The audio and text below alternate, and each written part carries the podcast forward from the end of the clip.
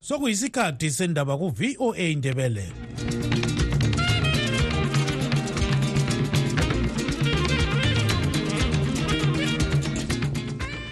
lingalivuka njani izulu kandaba ulamukela emsakazweni westudio 7 ngomvulo mhla ziku-15 zibandlela 2024 nguchris gande endabeni zethu lamhlanje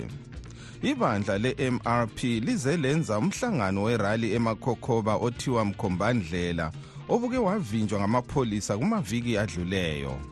i-national interim committee nic yiyo esabambe intambo kukhangelelwe ukuya kucongress so uh, kula magxoka amabili i-mrp ilokhe ilibandla elilodwa abalwela ilungelo likazulu bathi uhulumende okhona wephula ilungelo loluntu ukwedlula uhulumende kamnumzana robert mugabe uhulumende lo uthe esengenile wathi zimbabwe open for business and ibhiziness enkulu esiyibona yenzakala ngiyokususwa kwabantu lapha kade behlala khona esithi ngama-displacement kuthiwa bavulele indawo ama-projects silengxoxo mpikiswano phakathi kwelunga lebandla le-ccc umnumzana fortune mlalazi lo mnumzana kudakwashe munsaka owebandla lezanu p f akula leadership crisis i-crisis actually ngeye-opposition engekho organized i-leadership we've got able leadership in zimbabwe eyokuthi yikho unkulunkulu eyipreserve zonke lezi ndaba lezinye lizozizwa khonapha emsakazweni westudio 7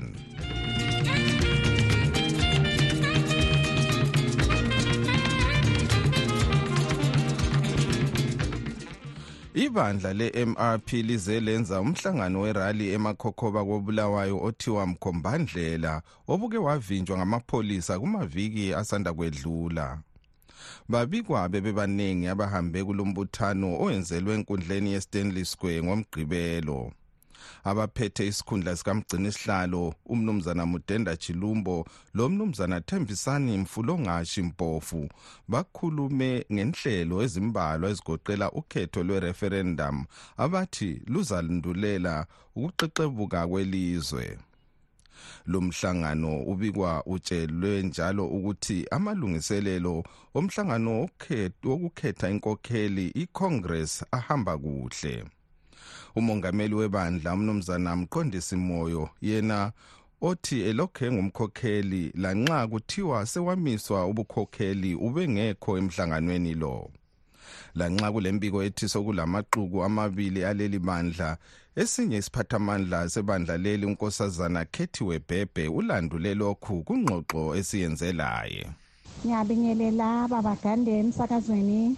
yakubasakazi labalaleli ye hhayi umhlangano uphumelele babagande kuliqiniso mpela ukuthi amapholisa babeke basincitsha imvumo ngezizatho zabo ababesithi kulamarumazi okuthi abe-triple c ungani bafuna ukubhikitsha and bawumisa-ke ngaleyo ndlela although lokho kwakungahlangene lathi kodwa hhayi ngingathi fast forward nje sagcine siwuphiwe siyiphiwe imvumo and umhlangano uphumelele ubanjiwe sibili ya bebezile abantu uphumelele wenziwe kahle akuzange kube khona okusiphazamise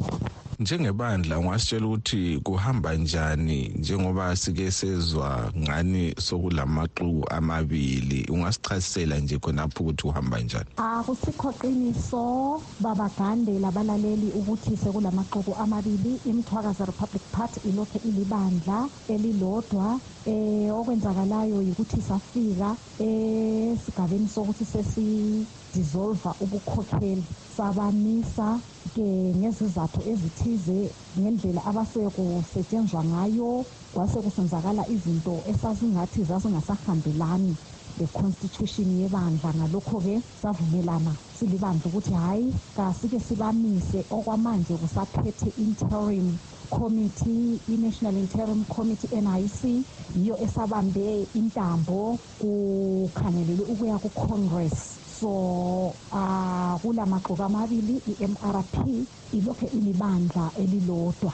ngiyabonga okwamiswayo yi-national executive committee ubukhokheli obugoqela yena umongameli ubaba umoyo yibo abamiswayo kodwa hhayi ibandla liyaqhubeka lokhu elilodwa akulamagxoka amabili lo ke ngunkosazana khethiwe bhebhe isiphathamandla sebandla le-mrp ubekhuluma ecingweni le-studio 7 esesouth africa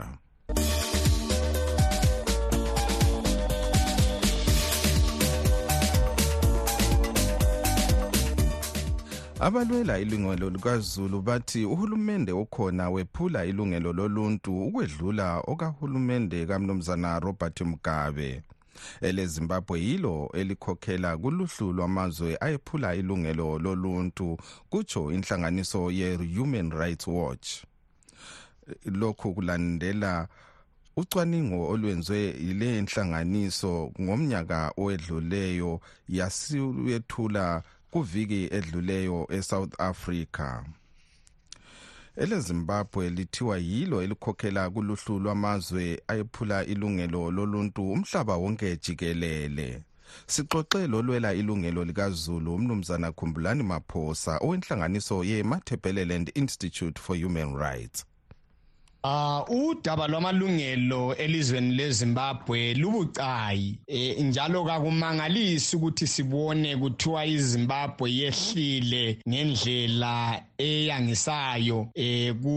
kuma-rankings amalungelo omhlaba wonke e, njalo nxa sikhangele indlela okumi ngayo khathesi lakuhulumende kamgabe ye umehluko ukhona sibili omkhulu umehluko omkhulu uqala lapha ukuthi uhulumende kamgabe wayengathembisi ukuthi uzahlonipha yekethise izankentshe ezibopha amalungelo sasikwazi ukuthi vele yena-ke uvele ubophile uvimbile kafuni kube lolutho olwenzakalayo lo uhulumende okhona uthe engena wathembisa ukuthi uzakhipha izayeke ezikhona ezivimba ukuthi abantu bakholise amalungelo abo kodwa akakwenzanga lokhu um akwenzileyo yikuthi ukhiphe isayeke wafaka amatomu eh okusele kuyinto efanayo nje eh wakhipha izankosi wafaka iketani kodwa umuntu sele elokhe ebotshiwe ngokufananayo so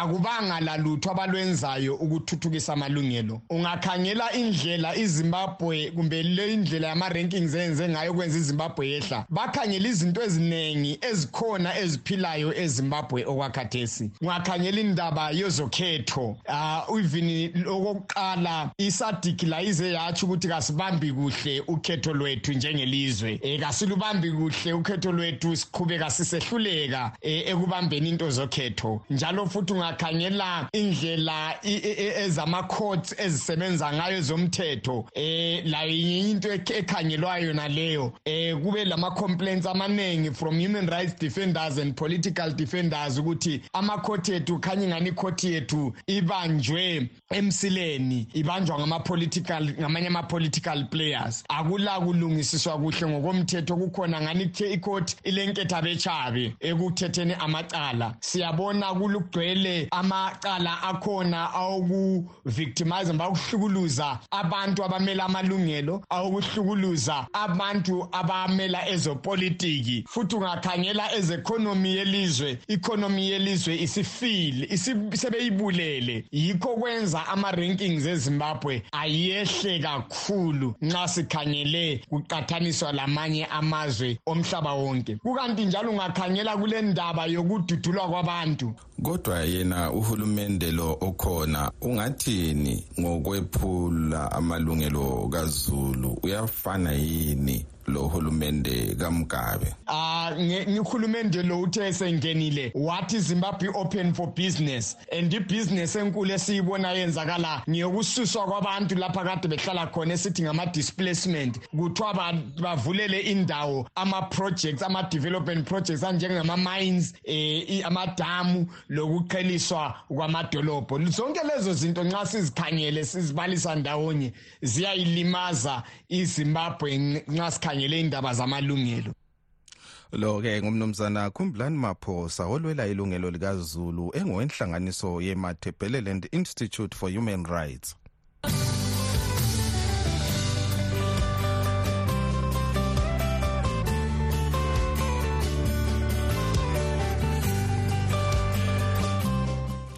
lamuhla silengxoxo mpikiswano phakathi kwelunga lebandla le-ccc umnumzana fortune mlalazi lo mnumzana khulakwashe musaka webandla lezanu p f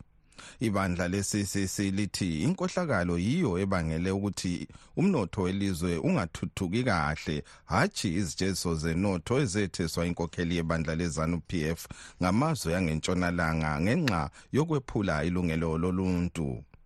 amabandla la athi okunye njalo yikuthi akulabukhokheli obuqotho kubandla elibusayo ake sizwe udaba esilethulelwe ngugibbs dube westudio 7 elo umnumzana fortune mlalazi webandla le-ccc nguye osungula lingxoxo ngiyakuxolela because awuvunyelwa ukucabanga outside the box but i'm saying look at botswana for instance botswana has one mineral that is sustaining the country which is that Education, eh, i-education yasebotswana is free from primary school up to university level because they are properly using their resources we've got more resources than botswana talk of uranium talk of diamonds gold ngabo irenreta lushwayo abadlayo kuphela wena lapho okhona awudli ufana lami unfortunately ufundiswa izinto lezi ukubana uhlala uzikhuluma kuthiwe ngama-sanctions our problem in zimbabwe is not sanctions our problem is our leadership in particular leadership from zanu p f that has been looting the country from day one nge-independence if you want to know these things my brother go to the likes of dr simba makoni who taught us sisecollege 1 point ukubana in a few weeks base betshintshelwa izimota so tohambani ngama-mercedes benz it might not be important kuwe khona ukuthi unanzelele but we have been looting our schools are something else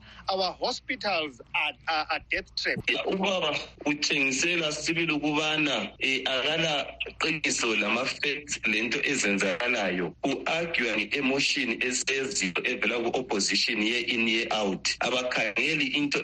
ezibambekayo ezikhona ngiyamangala ukuthi uvala amehlo ehle ukubona ukubana thina sizenzela ukudla lapha akantshele ukubana yikuyini esiku-impothayo lapha okokudla nxa singa-impotha impuphu nxa singa-impotha iwithi si-exporta usungitshela ukuthi yikuphi ukudla ongabe ukukhuluma ukuthi thina we are not producing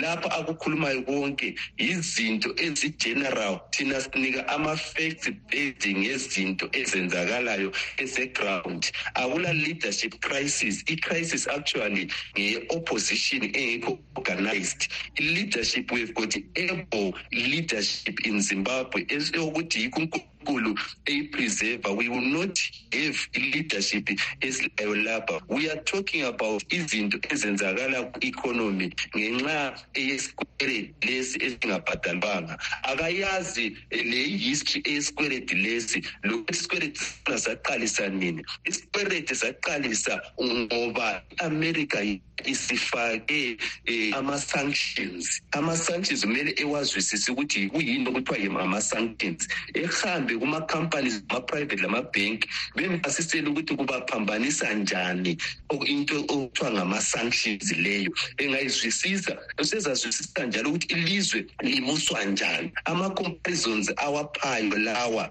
ngama-comparison angasebenziyo akabe kwazi ukuthi ilizwe libuswa njani njalo eh, indaba esikhuluma emqoqokibela esikhuluma eyama-sanctions ubana i-amerika ibaleke indaba i-amerika i-corruption ayikhulumayo ayiqalisi ezimbabwe amazwe wonke jikelele alayo i-corruption ayisiyo zimbabwe kuphela ukuthi angithi ukuthi mina ngithi sibe le-corruption njalo angiyiboni mina ezimbabwe uhlupho lwethu sibili yikubana i-amerika ilwa lathi yikho esikuxoxa namuhla ukubana why isiyalile ukubana bebe le-strategy esokuthi kukhitshwe isikweleti esilaso kumbe sibe lama-payment terms esikweleti esilayo ngoba bayesaba ukubana lapha izimbabwe khona igiant leli selivuka singalivumela ukubana liqalise njalo ukuboleka igiant leli lona lisenza kuhle kangaka lingaboleki lingasiphambanisa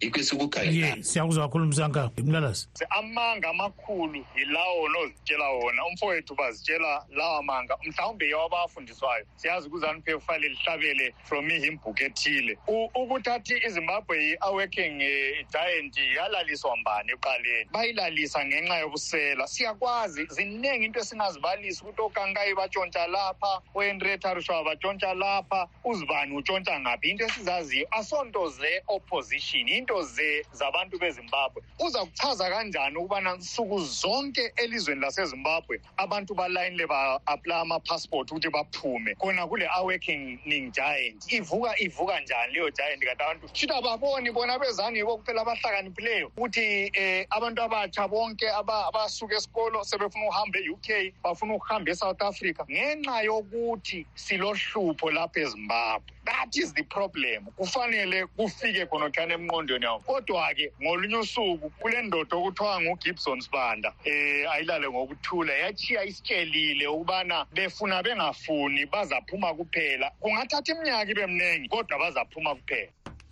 lapho ke belilalele umnumzana Fortune Mlalazi webandla leCCC exoxa endawonye lo mnumzana kudakwashe Munsaka olilunga lezanu PF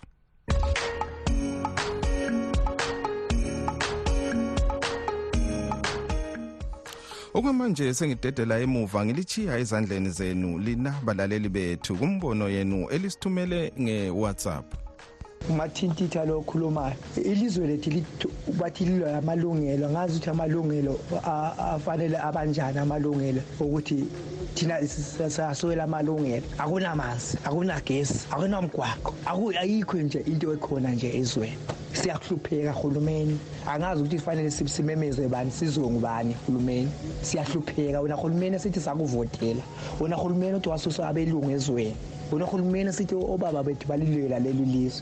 kodwa asikuboni ukuthi balilwela usizo lwabo kwakuyini ukuthi balilwele balithathe balongo yini sithi sisentandweni eningi ngoba intando eningi manxa sithi siyabhikitsha senami ngento esenzola yona ezweni siyabotshwa siyashaywa siyabulawa so kufanele senze njani mkhuzi wamaphoyisa lokho engishilo njalo funa kwelinye langa ubuye uzositshela ukuthi why imvumo efanele ibe khona yokudemonstrate imvumo njani siyakucela mkhuzi wamaphoyisa paul nyani siyakucela nomzana siyakuhlonipha futhi kakhulu mathintitha lo okhulumayo yebo msakazi ayi mina ngiyaphila umsakazi westudio seven thanda nje ukukhuluma ngendaba lekalobhimula um eh, ubaba lo okhulumayo kathesi lami ngiyamsekela vele okukhona ezimbabwe la yokuthi sisiphiwa imbali yamanga isikhathi sonke siphiwa imbali yamanga makhangela even ilizwe leli lithathwa izanu azange lithathe ilizwe leli izwe ilathatha izaphu izaphu ihandlwa kakhulu ukudlula izanu izanu babezidlalile emozambique abantu lapho kodwa sokungathiwa yibo ungakhangela kathesi kuhistory ekhona kukhulunywa ngayo ngayo izanu p f ukuthi iyekhathi ilizwe kodwa kusikho esikwaziyo thina vele izapho so lalokhu sawulobhengola wathengisa ilizwe ngethukela into zamanga zonke zonalezi kodwa zibe ziqinisa bona abantwana bona kumele bamise umsebenzi ngoba ke sekunje ziningi izinto abazifalayo ezingenangqondo studio seven studio seven studio seven siyabingelela siyabingelela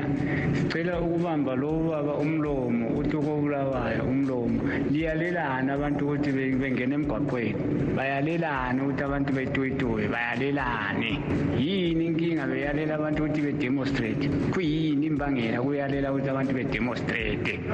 baba khuluma into eca Hayi baba walwela izebra but usuli lawo ususu anda uyazi uyadla lapho kuzana uphefu thina kasidli sifuna amalungelo ethu abesegcekeni sifuna ukungena emgwaqweni liyasivimba liyasibopha liyasitshaya salibonani emsakazweni salibonani emsakazweni njani na umoveni ngwenya edaluka hayi sibonga izulu sibonga izulu edaluka ngibingelele imuli yami yakonyonda kongwenya khona lapha ngiyabathanda dandiya ngikhohlwa egofole ungwenya ophilayo ehe komalaba kulesibanda lapha um stribrood kulothandazani ithuma hhayi ngiyalithanda madoda ngiyalithanda bazali bami liphile ngenkosi awe ah, livuka njani studio 7 libingelela lonke westudio 7 bingelela labalaleli le losapho lukamthwakazi lonke eh ngingathanda ukudla isikhathi eh ngiphezu kodaba lamantombazana emsakazweni ade bekhuluma ngolobhengu labathi wadayisa ilizwe eh ngechukela ngicela laba bantwana laba kabake bahloniphe cela bahloniphe isizwe samandebele isizwe esikhulu kakhulu ma befuna ukwazi ukuthi ulobhengula walwa njani impi leyi abahambe badinga ingwalo bayibuza usisili john ross bayibuza lo-ian smith babuze lo todi uzabachasisela lowo lenski uzabachasisela ukuthi ulobhengula walilwela njani lelizwe leli elidefenda ukuthi abalungu bengalithathi adinge that's why kule ndawo kuthiwa kusekhwekhwe kulabolala phansi kulabopupu kula egadade kadingisisi ukuthi kade kwakuvele kusenzakalani adingisise la mabizo amabutho kalobhengula wamawaba lokuthi kwakulensukamini kulempisi wayelamabutho amaningi kakhulu esilwe lwisa abalungu ngicela untombazane lowo akayekela into yakhe le maye kuthi yena nguyo le ngqondo naleyo enzondo kayiphuma inzondo yakhe le asimfuni umuntu onjalo la kababaze ama umsebenzi wenziwa ngulobhengula kakhulu ukuvikela leli lizwe kawubabazi kakhulu akazi sizagcina sikhuluma amanye amagama amabi azamcunula ngiyabonga studio seven okhulumayo lapha um ngusiphatha amandla ngikhona lapha kwabulawayo hayi selokhu sihlala sikhuluma ngawo la mashona la nanko-ke aziphumele ku-z b c ezikhulumela mathupha kuthiwa ulobhengula wathengisa ilizwe ngethukela bezikhulumela mathupha and le nto yinto ephume kumnangagwa leyi abantwana labana bathunywe ngumnankagwa bebonisa ogawule laba ukuthi bayiziphukuphuku too much labana babonisa ogawule abojoseph juma laba abomalaki nkomo sebelibonisa ubuthutha benu kwesi ukuthi lizithutha lilandela abantu abarongo sebeze belitshele mathupha ku-zbc yenu ngoba i-zbc liyana ikhupha izinto zezanup f and ngeke ukhulume enye into umnankagwa engakwazi i-zbc kube nga iyakhupha anything kube ziningi izindaba esizibona ziphuma lapha kube lama-opposition parties yabona ephuma lapha kodwa kuphuma indaba zezanu p f kuphela labo yinto abayithethe kumnankagwa leyana kade beyikhuluma leya bezama ukulibonisa lela ziphukeli iziphukuphuku ezingaboniyo lezi ukuthi livalekile sebeze belitshele ku-zb c yenu lokungafundi kwenu alifundanga lina bantu elisaphothi izanu p f iningi lenu yinto elibulalayo kakhulu manje sebeze belitsheleke ku-zbc ukuthi lilandela amashona wrong side lilandela abantu abarong umnankakwa selitshela-ke bogawulela bojoseph chuma labomalaki nkomo liyabe liwumana suku zonke likhuluma liwumana litsha abantwana abancane abaphuphayo sabibonani ma-c o e ndebele linjani Happy New Year laphana eh komnyaka omutsha ngithi lami ke ngibolise ngiqede lapho ngithi Zanu-PF must fall. Siyabonga, siyabonga, siyabonga, siyabonga, siyabonga basakazi bethu. Siyabonga izindaba elisinika zona, izindaba zeqiniso. Hawu, siyabonga inkosi libusise. Eh, ndimfake umbono. Nangu lo muntu abathi nguchabango, chabango, chabango, chabango. Uzamukenzani uchabango? Uzamukenzani? uyenzani chabango cela limbuzi ukuthi uyenzani ukuthi unyembani uyenzani ake limbuzeleni uchabango ukuthi uyenzani um eh, salibonani basakazi bethu bestudio seven njani kodwa hhayi kuhle mali sancenga basakazi bethu thina so ngathi siyakhathala into kachabango le into kachabango sisihlupha kakhulu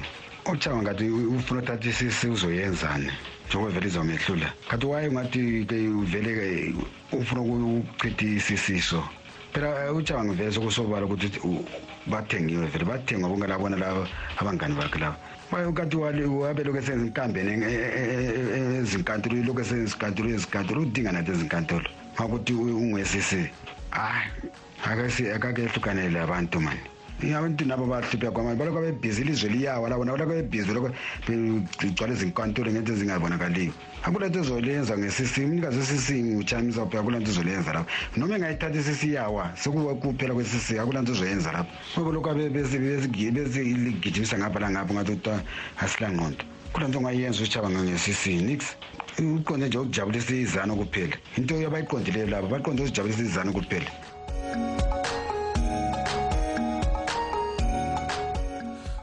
lawo-ke bekungamazwi enu lina balaleli bethu elisithumele ngewhatsapp kunombolo zethu ezithi plus 1 202 465 siyacela balaleli lingathuki njalo lingasithumeli imilayezo e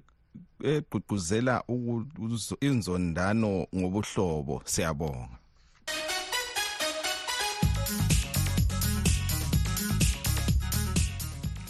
kwezemelika lamuhla likhefu lokunanza owayelwela ilungelo labensundu umnumzana martin luther king jr uking owayengumfundisi wesonto yebaptist wadutshulwa wabulawa ngumlungu ngomnyaka ka-1968 imizamo yakhe yokuthi abensundu baphiwe amalungelo afana lokuvota yafezeka lamuhla likhefu eliqakathekiswa lilizwe lemelika jikelele ukuhlaziya lolu daba sixoxe locubungula ezombusazwe umnumzana dan moyo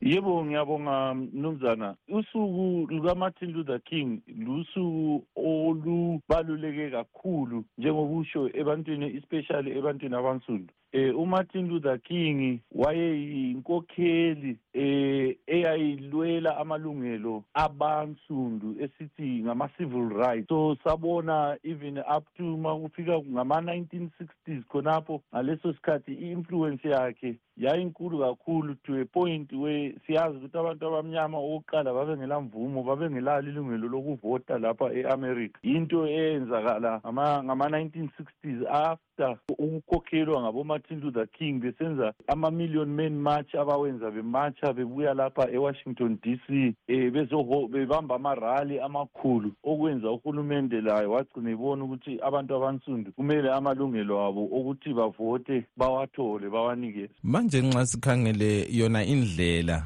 enanzwa ngayo leli langa ubona kuyindlela efaneleyo yini ye yeah, i mean ukuthi phela ilanga leli liyiholiday lapha e-america utshengisa ukubana lilanga eliqakathekiswa kakhulu ngoba ma ukhangela even amanye amapresident um eh, wonke ahlanganiselwa elangeni eliyi-one eliyiholiday lokucelebrate amapresident akusi alikho nje singathi kuthiwa leli ngelikageorge washington day or leli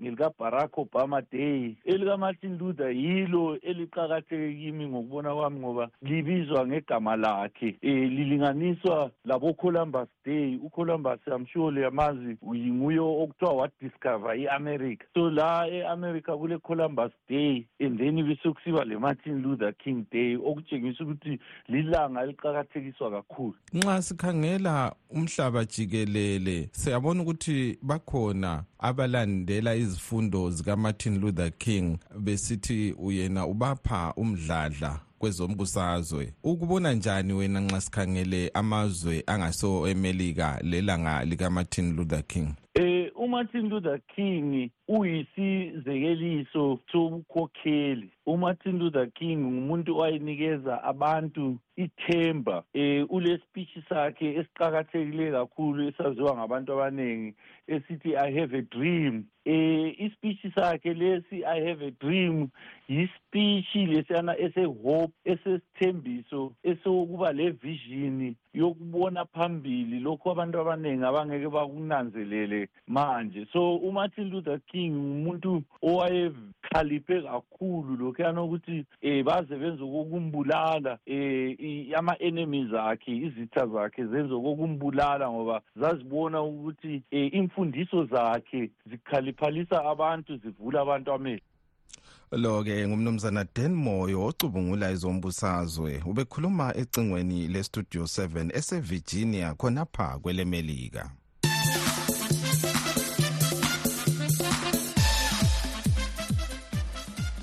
Eh, kwezemidlalo ke sikhangele imidlalo yenkezo ye-2023 africa cup of nations edlalwe izolo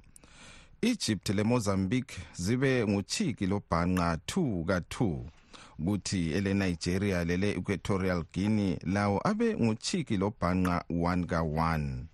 kuthi imidlalo ezadlalwa lamhlanje umdlalo wakuqala ngozakuba phakathi kwesenegal legambia kulandele elecameroon leleguinea kuthi umdlalo wokugcina ngozakuba phakathi kweqembu le-algeria lele-angola isikhathi kasisavumi ukuba siqhubeke sisonke kodwa singakehlukani ke sikhangele ezinye zenhloko zendaba ebezikhokhela kuhlelo lwethu lwalamhlanje ibandla le-mrp lize lenza umhlangano werali emakhokhoba othiwa mkhombandlela obuke wavinjwa ngamapholisa abalwela ilungelo likazulu bathi uhulumende okhona wephula ilungelo loluntu ukwedlula uhulumende kamnumzana robert mugabe silugqiba ke lapha uhlelo lwethu lwalamhlanje abangenelisanga ukuzwa indaba zethu lilakho ukuzilalela ebulenjini ku-www voa ndebele com olivalelisayo ngisithi asidibaneni njalo kusasa sikhathi sinye igama lami nguchris gande